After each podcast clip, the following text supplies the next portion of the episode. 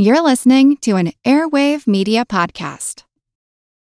Without the ones like you, who work tirelessly to keep things running, everything would suddenly stop. Hospitals, factories, schools, and power plants, they all depend on you. No matter the weather, emergency, or time of day, you're the ones who get it done. At Grainger, we're here for you with professional grade industrial supplies. Count on real time product availability and fast delivery. Call clickgranger.com or just stop by. Grainger for the ones who get it done. As a longtime foreign correspondent, I've worked in lots of places, but nowhere as important to the world as China. I'm Jane Perlez, former Beijing bureau chief for the New York Times. Join me on my new podcast, Face Off US versus China, where I'll take you behind the scenes in the tumultuous US China relationship. Find Face Off wherever you get your podcasts. This is Kick Ass Politics. I'm Ben Mathis. Hi, folks. This is a rebroadcast of an interview I had with Rich Lowry, editor of National Review, about a month ago in December. I'll have a new episode for you on Thursday, but I think this episode is worth putting up again since National Review magazine just released its big Against Trump edition this week. That's the one in which 22 major conservative thinkers came out against Donald Trump, including Glenn Beck, Bill Kristol, editor of the Weekly Standard, uh, Katie Pavlich, the editor of Town Hall, Dennis Prager, Michael Medved. The list goes on and on and on. And it's hard to make the case that these are all just establishment conservatives against Trump because they range from leading Tea Party conservatives to leading social conservatives on the religious right, economic conservatives like the president of the Club for Growth, foreign policy hawks. It's a very broad cross section. And not surprisingly, as soon as the magazine was announced, Trump jumped on Twitter and began attacking every one of them. For instance, he called Glenn Beck a wacko and dumb as a rock, and then he called Brent Bozell a lightweight and a dog. Um, very magnanimous of him. He also said, quote, the late great William F. Buckley would be ashamed of what has happened to his prize, the dying National Review. Um, now, of course, you might remember in the last debate in the exchange with Ted Cruz, Trump extolled the virtues of National Review's founder, William F. Buckley Jr., as a perfect example of a conservative who represented his idea of New York values. But in the past day or so, it's gotten a little more interesting when a quote surfaced from 2000 by William F. Buckley Jr. about Donald Trump, in which he seems to indicate that Buckley didn't exactly return Trump's admiration. Uh, before I read you the quote, just to give you some background here, 2000 was the year that Trump was running not to be the Republican candidate for president, but the Reform Party candidate for president which he, of course, lost. Does that make him, dare I say, a loser? And then, in true Trump fashion, after he got rejected by a party of wingnuts and communists, he proceeded to trash his own party, saying, The Reform Party is a mess. and I'm not saying that he's wrong about that, but most of us didn't need to lose a presidential primary to figure that one out. After that, Trump switched back to being a Democrat again and the Reform Party followed up their brief flirtation with Donald Trump by nominating Ralph Nader in 2004. And now this guy, Donald Trump, this guy's your Republican nominee? Really? Seriously. But I digress. So here's what William F. Buckley Jr., founder of National Review, a conservative's conservative, had to say about Donald Trump. He said, quote, When he looks at a glass, he is mesmerized by its reflection. If Donald Trump were shaped a little differently, he would compete for Miss America. But whatever the depths of self enchantment, the demagogue has to say something. So, what does Trump say? That he is a successful businessman and that that is what America needs in the Oval Office. There is some plausibility in this, though not much. The greatest deeds of American presidents, midwifing the new republic, freeing the slaves, harnessing the energies and vision needed to win the Cold War, had little to do with the bottom line. End quote. That's what William F. Buckley Jr. had to say about Donald Trump.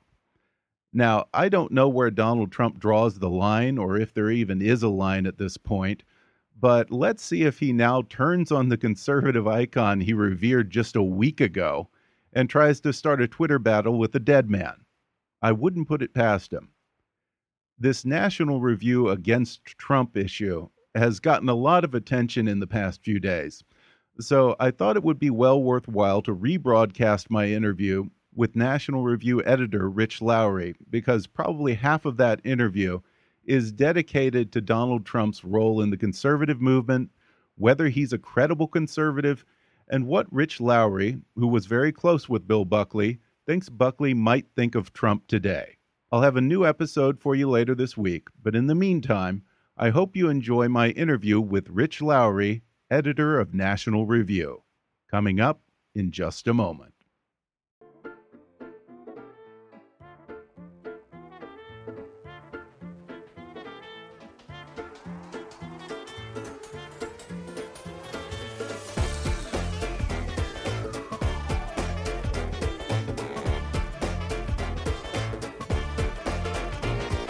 From Hollywood to Washington, it's time for Kick Ass Politics. And now here's your host, Ben Mathis. Today I'm joined by the editor of National Review, Rich Lowry. And folks, I'll just warn you that we're talking via Skype here. And Rich, of course, is in New York City. So you might hear a little bit of that big city sound in the background there, but I think we'll manage. So, Rich, thanks for coming on the show. My pleasure. Thanks for having me. Well, Rich, you've been blessed with some pretty esteemed mentors throughout your rise in the conservative movement. And before we even get around to Bill Buckley and National Review, you began your career straight out of UVA as a research assistant for conservative columnist and political commentator Charles Krauthammer. Now, maybe it's just my impression, but Dr. Krauthammer strikes me as a man who probably does not suffer fools very well. Um, was he a pretty demanding first boss? He was a terrifying first boss, not because he's not a completely uh, gracious and very thoughtful man, just because I was a 21 year old kid in the presence of this giant every day and thinking, because of the quality you just mentioned of not suffering fools gladly, that he was thinking I was a fool every hour of the day. But uh, we we had a great uh, a great time. I learned a lot being around him, and we have kept in touch since, and I always tease them how I, I used to, uh, when I try to impress people, tell them I'm editor of National Review, but now I say I was, I was a former research assistant for Charles Krauthammer, and that's that's what really gets uh, gets people's eyes wider. Well, you're now editor at National Review, and he's contributing editor at the Weekly Standard. Is there any kind of a friendly rivalry there now? No. Well, he he writes some for the Weekly Standard, but you know, he, he's basically writing his column and, and spending all his time being a, a TV star on, on Fox. And you know, that, that 20 minutes on special report requires a fair amount of uh, preparation. Uh, even Charles doesn't wing it. And then, you know, he's very often on other primetime shows as well. So, and, and we generally, we, um, everyone's a little competitive. Um, you know, not human if you, you don't have a little uh, competitive uh, jealousy and juices in you. But our National Review's attitude has always been the more and, and the better conservative journalism is, is what we want. So we, we try to have a, a very uh, a very encouraging attitude towards any journalistic outfit. Well, not long after your work with Dr. Krauthammer, you landed at National Review, and within just five years, you were appointed editor of the magazine by William F. Buckley Jr. himself. How did you originally come to National Review? I've always been a National Review guy. I in high school I discovered Bill Buckley through his long-running program Firing Line. I was really? I was very intrigued. You know, I heard a reference to National Review through the program. I, I ran out and tried to find one, and I've really been in love with the magazine ever since. And I tell people that in high school we filled out a career form at one point and asked where do you want to be working and in what city you know, 10 years from now? And I said National Review in New York City, and it's been a great blessing to be able to do it for quite a long time now. Wow, so National Review was kind of a childhood dream fulfilled for you. Uh, what was it that you admired so much about Bill Buckley from such a young age? Well, the incredible wit and charm and the the intellectual seriousness. And you know among his many great achievements was to take conservative ideas that were held in contempt by the northeastern elite much like today and uh, to, to make them uh, respectable and um, make people have to, to pay attention and sit up and listen at least to him if not to to other conservatives. And there's just just no underestimating the power of charisma in our, our public life. You know, a lot of us on the right mock, you know, how enthralled young people were with with Barack Obama, and I, have I've engaged in a lot of that mockery myself. But it's just um, that that's really that's a really important quality, and Obama had it or has it. Uh, Ronald Reagan had it, and Bill Buckley in the intellectual realm had it as well do you worry at all that the conservative movement, particularly during this election, might be, let's say, uh, undervaluing that intellectual seriousness that William Buckley represented?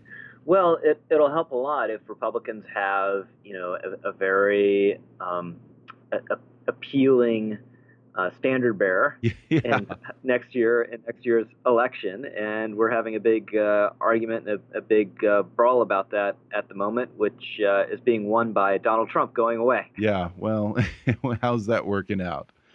Well, William F. Buckley Jr. espoused the belief that, in his words, we can disagree without being disagreeable do you think that he would lament the peevishness of certain candidates and the general acrid tone of this debate right yeah, now? now, now civility mattered a lot to him, and uh, intellectual standards in argument mattered a lot to him. But we, we shouldn't underestimate, especially early in his career, the extent to which he was kind of an Ann Coulter style bomb thrower. Interesting. So there, there's a, a place that in in our our debate and our our public argument.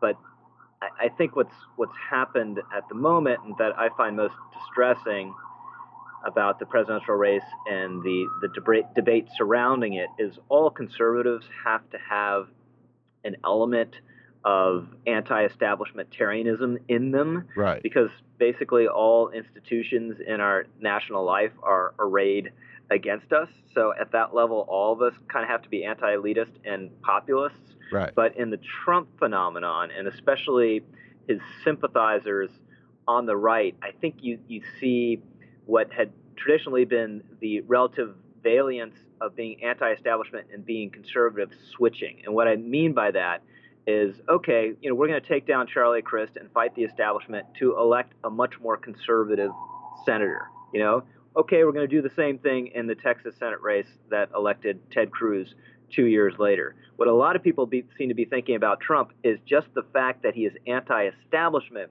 is enough for them to support him. That that in itself is more important than whether he's actually a conservative himself or advancing conservative policy goals. And that I think is very worrisome. Right. And it's like we're in some parallel universe where the traditional qualifiers of what makes someone a conservative and what's considered to be distinguished in presidential behavior no longer seem to matter.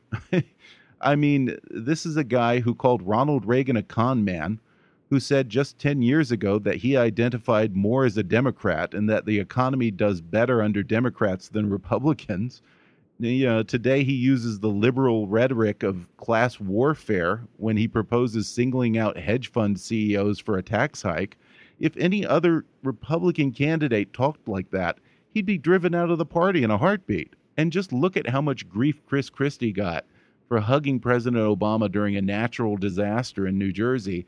And yet, here's a guy who donated money to the Democrat frontrunner Hillary Clinton, and no one seems to care. I mean, you tell me, Rich, do the facts just no longer matter? Yeah, ab- absolutely. Just look at w- one statement Trump made in the first debate, which is that single payer health care works really well in, in Scotland and in Canada. if anyone else had said that, that really they they drop to an asterisk immediately, and the the rules don't apply to Trump, and that's kind of a horrible cliche because we've heard it so many times in the last six months or so. But it's really true, and it's in part because he has a, a different kind of appeal. It's not really an, an ideological appeal. It's an appeal to a certain aspect of the American character and the American temper, which is uh, Jacksonianism in, in this country, which is fiercely nationalistic. It's very anti elitist, can be a little conspiratorial and worrying that corrupt elites are, are selling out our interest and um, selling out to foreigners overseas. It's not really interested in foreign engagements unless our blood is up, and then we're going to bomb the S out of people um, and not worry about the consequences. And th- this is what Trump Trump is.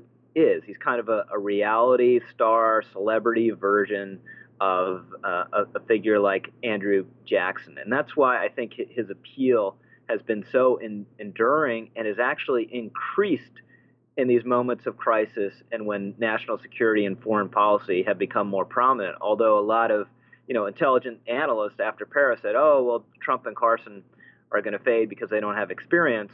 Well, people aren't necessarily looking for experience; they're looking for strength, and th- that's why um, that's that's just a huge element yeah. of Trump's appeal. Yeah, and you had a great article this week just on that. Uh, this idea of Trump as a Jacksonian. Although, as I recall, Andrew Jackson had a substantial list of accomplishments when he ran for president. I mean, I, I believe he had been in Congress, he'd been in the Senate, he was the hero of the Battle of New Orleans, had won the War of 1812, basically gained Florida for the United States. Andrew Jackson wasn't a guy who was just fudging his resume and completely full of hot air. You know, but the other thing is, you know, all of this begs the question if Trump feels that, as he says, he's treated unfairly, do you think that he might challenge someone to a duel? or is Twitter sniping as brave as Donald Trump gets? Twitter is the modern equivalent of the, the duel, but you sort of see it in the um, which isn't quite true, but there's some truth of it, where he says just I'm a counterpuncher. So there's like an element of honor uh, to it with him that if if you cross him and you attack him, he he has to you know just sort of prove his his, uh, his worthiness and his manhood. He has to come back at you twice as hard, and it doesn't matter whether what he says about you is accurate or makes any sense. Right, as and long it goes as he's hitting you. It goes against all the rules of political strategy because he goes around hitting back at everyone. You know, people that he doesn't even need to hit back at. I mean, random reporters that no one's ever heard of. Rosie O'Donnell, the magician's Penn and Teller. I mean, right. Isn't the rule supposed to be that you never go on the attack when you're already winning? I mean, uh, why? What what is there possibly to and, be gained? Yeah, and the, the usual rule among journalists and political candidates is you only punch up because you're wasting right. your time and diminishing yourself by punching down. But there's basically at this point, I'm not sure there's any conservative journalist that he hasn't called a, a fool and an incompetent and a, a loser. Yeah, including because, yourself, Rich, right, which, if you ask me, is kind of a badge of honor. Thank you. Well, because it's it's one, he's just so uh, sensitive to criticism, and two, it's just this reflex he has. And you just look at the the candidates he's attacked. You know, there's no upside in him. A couple debates ago, just storming out of the gates and insulting Rand Paul on the debate stage for no reason. And he kind of, you know, Kasich came after him first uh, uh, uh, another couple debates ago, but still, there's no reason for Trump to drop a thermonuclear bomb in his head. There's nothing strategic about it. It's just a reflex. Right. And usually, when a candidate lowers himself to that level, the media and the public denounce it as unpresidential behavior. But Trump just gets a pass every single time. Yeah, again, it just it, as long as he seems strong, hmm. and you know, there is this mystifying moment. Um, well, it wasn't so long ago. It was, it was just earlier this week. It was still going, although it's easy to forget now. Where we were obsessed over his remarks about thousands of, of Muslims supposedly celebrating in New Jersey after September on the day of September 11th, after the towers went down. Right. And for his supporters, it doesn't really matter whether it's exactly true or whether he kind of backfills and dodges, which he, he often does, as long as he seems strong during the course of all of it. And that that is his his main allure as a communicator. It's he can say something that makes zero sense, that as a policy matter might be weaker than what the other candidates are advocating, but because of the way he says it, it it sounds more serious right. and and stronger. And and this is I think goes to one of the problems Bush has, has had. You know, that there's something about the way he carries himself. There's this ad that plays on Fox constantly from his super PAC where he says, you know, this isn't just about yapping, and and he's kind of he's sort of stooping uh, as he, as he stands there, and he, when he um, says things, he ne- he doesn't really. Uh, there, there's never like a a, a, a whip at, at the uh, at the end of it or a dagger at the end of it. It it just never really kind of hits home. So just as a performer and a communicator, I think he's had a very hard time. On top of the the other forces Right. holding him back. And it makes me wonder if, after eight years of a president who backs down and surrenders to our enemies abroad and never seems to stand up for anything, if perhaps now the pendulum has swung to the opposite extreme and the Trump voter bloc just wants someone who stands by what he says, no matter what, no matter the substance of it or the merits of what he's saying, even if he's completely wrong, just literally never ever backs down. Ever. Yeah, that's. I think that's a big. That's a big part of it, and it's interesting because after eight years of, of Bill Clinton, that wasn't really the reaction on the right, which was open to George W. Bush, whose whose message was compassionate conservatism, which was a kind of accommodation with uh, big government at a certain level, and uh, at least tonally a feint towards the center. And we see none of that this time around after eight years of Obama. And I, I think the two big differences are Bill Clinton accommodated Republicans after he lost in, in 1994 and famously triangulated when Obama has done the opposite when faced with the Republican Congress, has, has even gone further left and um, become more confrontational and you know done many uh, things unilaterally.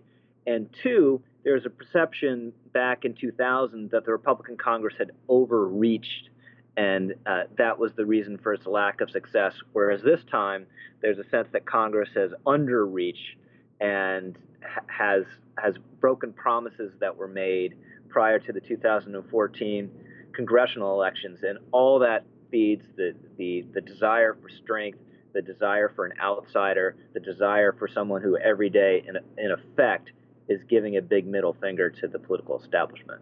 Okay, so you believe that the Trump phenomenon is more of a revolt against the weakness of Republicans in Congress than the weakness of the president. Oh, it's both. It, it's both. But but I, I would the the where I would edit slightly the weakness of Obama.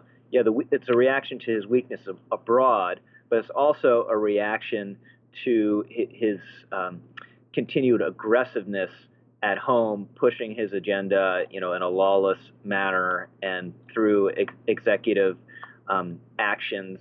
So and and you know, just trampling on Congress basically, and it's very hard for Congress to restrain a lawless pr- president. But Congress has really done nothing uh, very notable to even Right. try. So that just right. it all feeds this kind of anger and frustration and sense of uh, uh, distress over the direction of our country, all of which are impulses I feel myself. I just don't think they're usefully cha- channeled into Donald Trump. Well, in an op ed you wrote last week, you said that you see the GOP primary boiling down to a race between Marco Rubio and Ted Cruz. They're roughly tied for third place right now. So tell me, how do you see this scenario playing out? Well, it was uh, it wasn't meant to be um, strictly predictive. It was a little hypothetical, but you can see certainly that these two have um, emerged and kind of risen above uh, the rest of the field, except for Trump. And that's obviously a heck of an exception because we have a CNN poll that has Trump leading by 20 points nationally. But these these are two guys who were very talented, you know, 40 year old uh, Hispanic uh, politicians who really represent the next generation of, of the party. And it's it's very, whereas you have to uh, perhaps um, apply some analytical gymnastics to understand the appeal of a Donald Trump right. or a Ben Carson. You don't right. have to do that with Ted Cruz or, or Marco Rubio. These guys are just good. And if it ends up somehow winning down to them, it should be a choice that conservatives should be delighted by. Because if Marco Rubio is the establishment guy, well, he, he, is in the Senate just because he killed a RINO uh, mm-hmm. by by the name of Charlie Crist, and Ted Cruz emulated his campaign in Texas two years later. And you know there there are relative advantages and disadvantages to both of them, but they would be thoroughly respectable uh, choices for for conservatives to uh, decide between. Yeah, isn't it funny how Rubio is somehow considered the establishment candidate, despite the fact that he rode in on the Tea Party wave, and he's the guy who challenged the establishment candidate, Charlie Crist, in Florida, who was basically being anointed by the RNC, their handpicked candidate. And the flip side of that is with Ted Cruz, so many people keep saying Cruz is too controversial, he's too much of a conservative bomb thrower, and he's unelectable in a general election but I don't see much difference policy wise between him and the other candidates, including Rubio. So, Rich, do both of these candidates, Cruz and Rubio, have a bit of a perception problem to deal with? Yeah, I think both those points are are correct. It's just Rubio, obviously, his major initiative in the Senate was this comprehensive immigration reform that turned out to be, from my perspective, an enormous substantive and political mistake, and he's still not entirely recovered from it. Whereas Cruz, as soon as he got in the Senate, his play is I am never going to let there be an inch of daylight between me and the grassroots, and I'm putting my stake down in a, a tactical maximalism. So, whereas on strict policy positions, there's not a lot of difference between him and Marco Rubio. Now, now that Rubio's come off the comprehensive immigration reform, Cruz and Rubio's positions on immigration, at least kind of in the broadest gauge, are somewhat similar. They're both hardliners on foreign policy. Rubio a little more interventionist. Um, Cruz at, at times has has been a little bit more of a civil a civil libertarian on something like the NSA, and their tax plans are, are different. But there's no doubt that they're both conservatives. And when people talk about Cruz being too far to the right, it has mostly to do with, with style and affect and tactics. And if Cruz wins the nomination, a challenge of, of his is going to be how does he soften that image? And what he says now is that it doesn't need to be softened. All he has to do is turn out more conservatives. I'm not sure that if he's the nominee, that is really, at the end of the day, going to be his electoral uh, strategy. And and people kind of loosely talk about, oh, it would be a, a Barry Goldwater style blowout if Cruz won the nomination. I think the country is too evenly divided for a Goldwater style blowout uh, anymore. And two, Ted Cruz is too shrewd to step into a Goldwater type blowout. So I think he'd be, you know, it's going to be, a, I think you, you favor slightly Hillary over any Republican, maybe a little more against um, Ted Cruz, but I, I, think it's it's foolish to just dismiss it and say, oh, it would be a, a, a landslide against Republicans.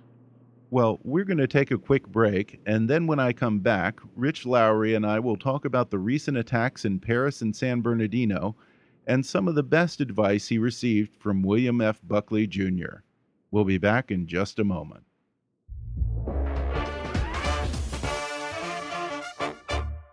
Christmas is coming, and before you do your holiday shopping, visit our site at kickasspolitics.com and click on the Amazon link on our sponsor page for the best prices on everything from books and electronics to jewelry and clothing, all delivered conveniently straight to your door.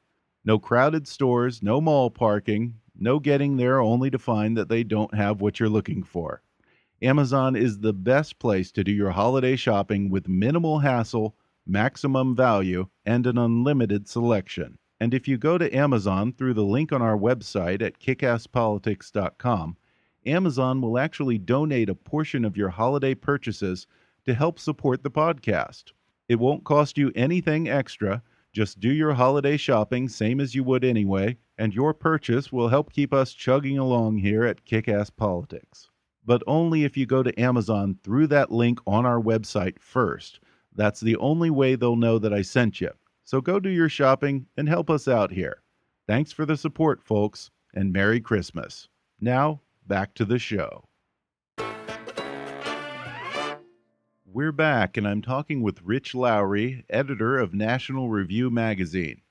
Rich, one of my favorite articles in recent memory was one that you wrote just a couple of weeks ago for the New York Times in the days following the Paris attacks. It was titled Paris Doesn't Need Your Hashtag Heroics. I was happy to read that I was not alone because I found myself getting rather annoyed at all of these meaningless statements of solidarity and these cheesy memes that started popping up on my social media almost immediately after the attacks. Talk about what it was about this social media solidarity that infuriated you. Well, it's, it's I admit it's kind of a churlish point on on my part, but it's just you know it doesn't it doesn't do anything to create a peace symbol in, uh, with the Eiffel Tower yeah. in it and tweet it around and to make your Facebook profile uh, a tricolor.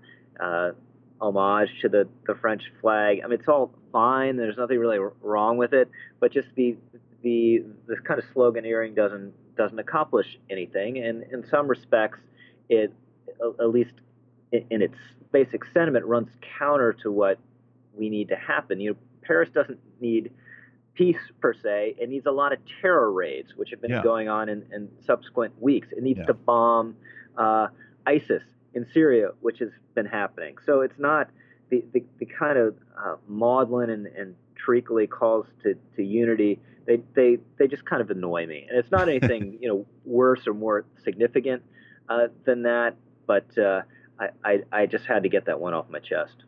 but it's almost as if a lot of people think that a Facebook post or changing the filter on their profile pic is the equivalent or, or takes the place of actually doing something.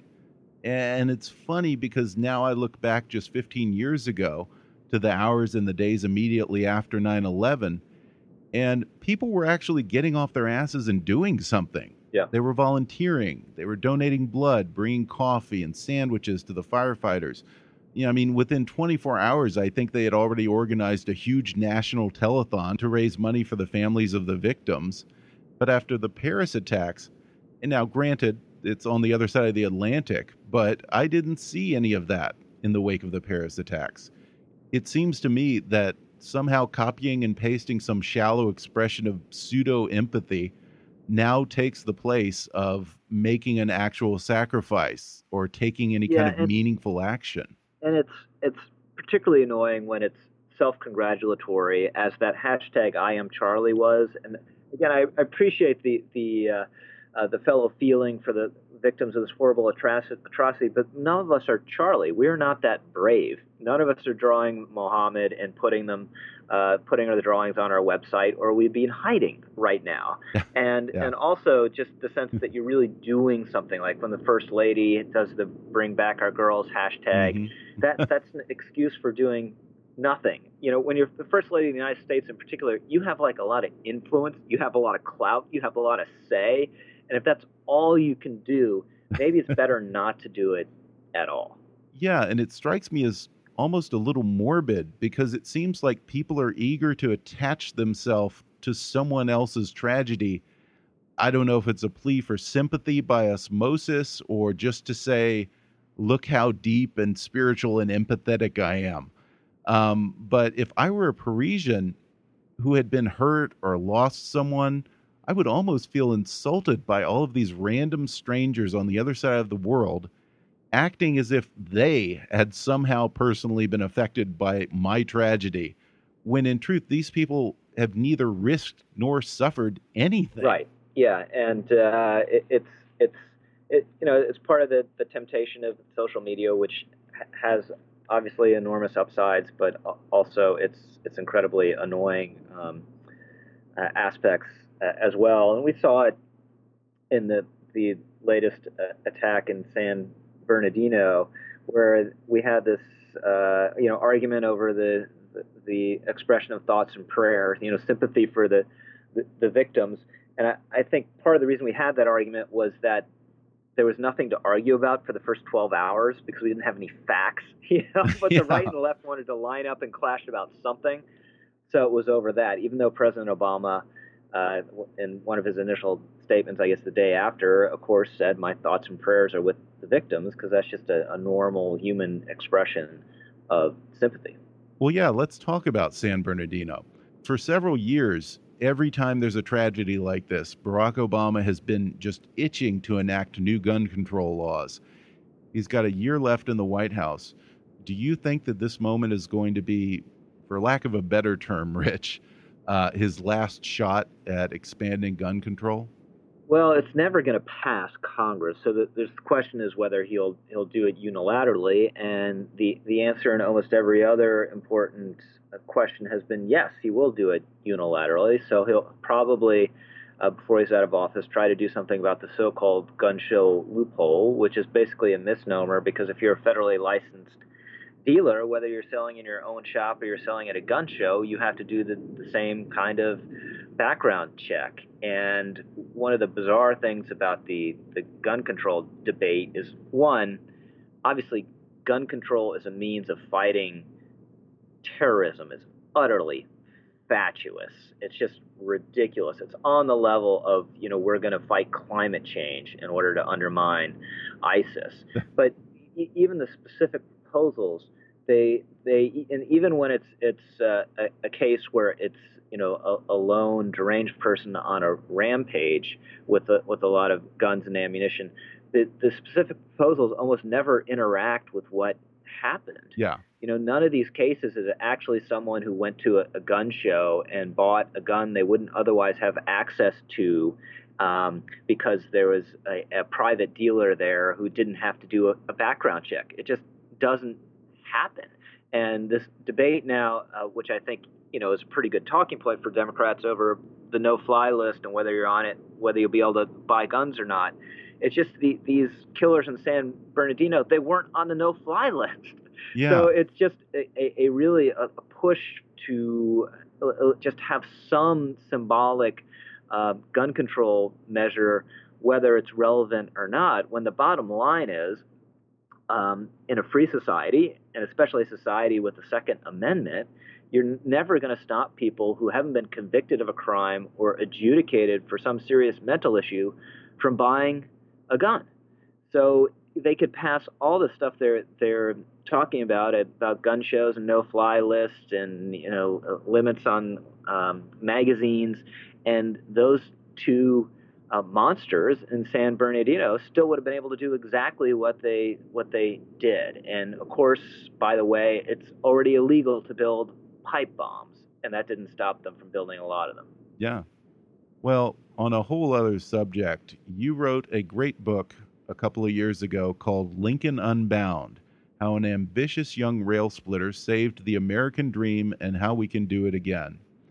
What was it, Rich, that you found so inspiring about Lincoln's personal story? Well, I think what about uh, the aspect of Lincoln that really crosses party lines and, and kind of stirs all of us, and you're kind of not American if it doesn't stir you, is that there's you know, this this kid born in obscurity in the middle of nowhere with very little formal education through pluck and determination and discipline and talent made the most of himself one and two because of you know the uh, historical extraordinary historical circumstances really saved the country and saved the American dream. And I, I think the the key to Lincoln that tends to get obscured a little bit, even though it's the single most important thing in my mind about him and runs throughout his entire uh, adult career, is making this a country where it's possible for people to rise and make the most of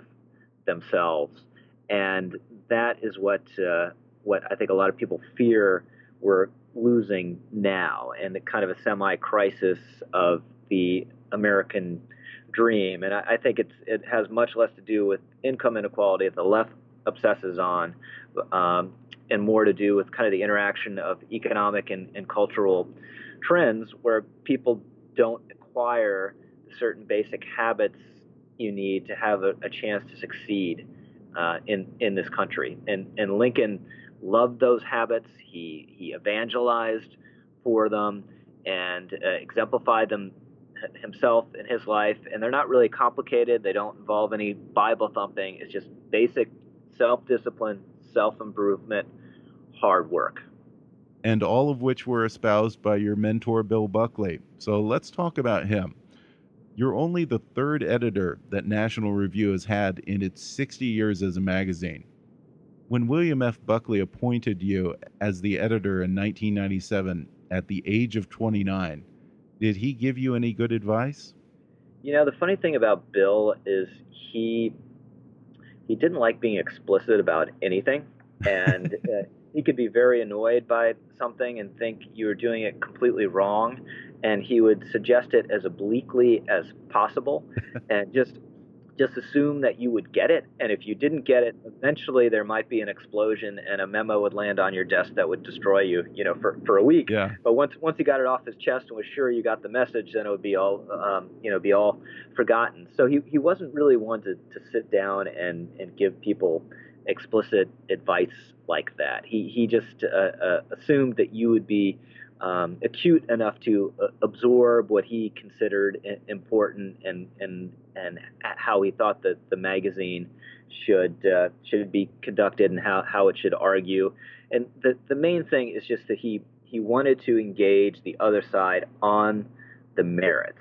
And you know he liked wit, he liked tough rhetoric, no problem with that at all. But you had to be making the case based on logic and on evidence. And if you weren't doing that, uh, he had this a, a, word for it. He called it attitudinizing, which is just sort of opinion uh, untethered to logic or to evidence. And he truly hated that. And whenever he saw what he considered examples of it in the magazine, he he pointed them uh, out and ur- urged us to purge them forthwith. Well, do you think William F. Buckley Jr. would be pleased with where the conservative movement is today? Well, I think the Tea Party would be would be the fulfillment of uh, kind of a, a, dream for him, a, a grassroots movement committed to limited government and constitutionalism when he, near the end of his life, you know, it was the end of the Bush years, it wasn't a great time for the Republican Party or for the conservative movement. And he spoke of how conservatism needed, needed to be rebaptized and its first principles. And the Tea Party basically did that. Now, there, there's, uh, circling back around to Trump, there's part of the Tea Party that uh, maybe is, is wandering away from the, those principles, and it, it's very uh, perilous to ever say with any certainty what Bill would think of any particular thing because his mind was so idiosyncratic and he could be so unpredictable. So there are probably some things that he would like about Trump that would uh, uh, surprise or dismay me, but uh, I, I, imagine he, he he would be uh, opposed to what he would consider a kind of a thoughtless uh, populism that is is not connected at, at, all to the broader goal of limiting government. And that's one of the another amazing thing. Just you know, we, we talked about how um, Trump earlier on, how how Trump uh, is not hurt by by uh, uh, certain things that would sink other candidates. It's just amazing. They have a front runner in the Republican presidential race. It doesn't talk about limiting government. He doesn't talk about liberty. He doesn't talk about the, the Constitution. Just none of those things are really important to him. Yeah. Well, he just talks about uh, being angry and making America great again somehow. well, before we go, let me ask you about the magazine. So many magazines are switching over to entirely digital and foregoing the traditional paper magazine. Do you think that there may come a day during your stewardship when National Review no longer puts out a physical print magazine? Quite possibly. I I, I hope it is a, a, very long time from now. And knock on wood, we have uh, you know experienced kind of the, the downward pressure on circulation that everyone else has, but it's it's held up pretty well. And I, I still think there there's an advantage to actually holding a print publication uh, in in your hand as an expression of of what the you know the the best content that a group of you know very talented editors think uh, can be fit into 64 pages and represent a diversity of interest, whether it's you know the, the latest horse race analysis or a, a book review of a biography of, of C.S. Lewis.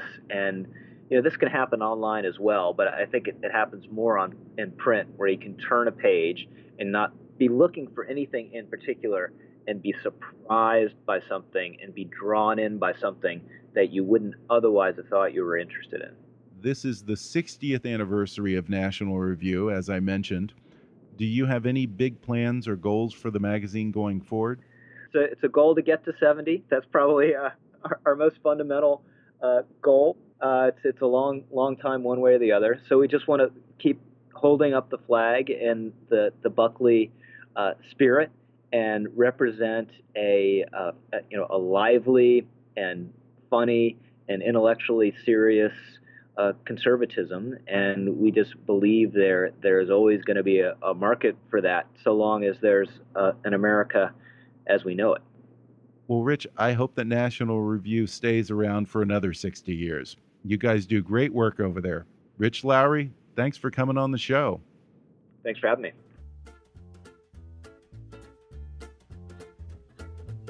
Well, thanks again to National Review editor Rich Lowry for coming on the show.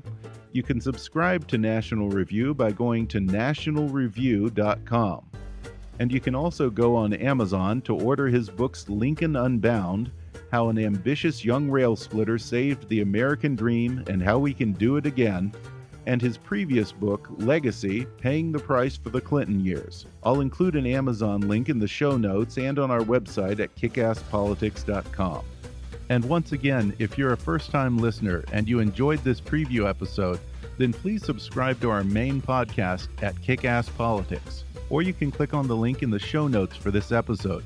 I've got some great guests coming up in the next week or two, and the only way to get those new episodes is to go to iTunes and subscribe to the main show at Kickass Politics.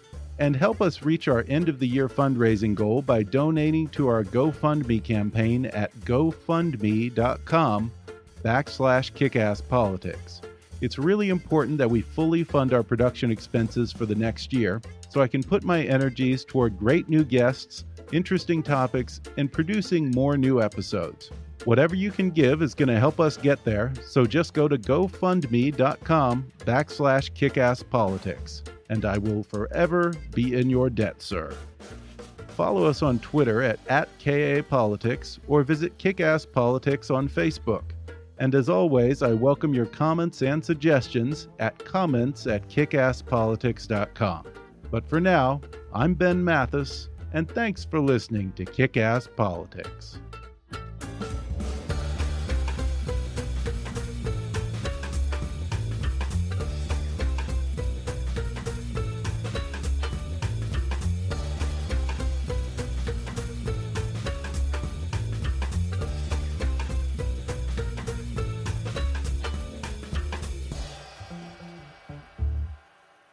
This podcast may not be reproduced without express written permission. Kickass Politics is a trademark of Mathis Entertainment, Inc.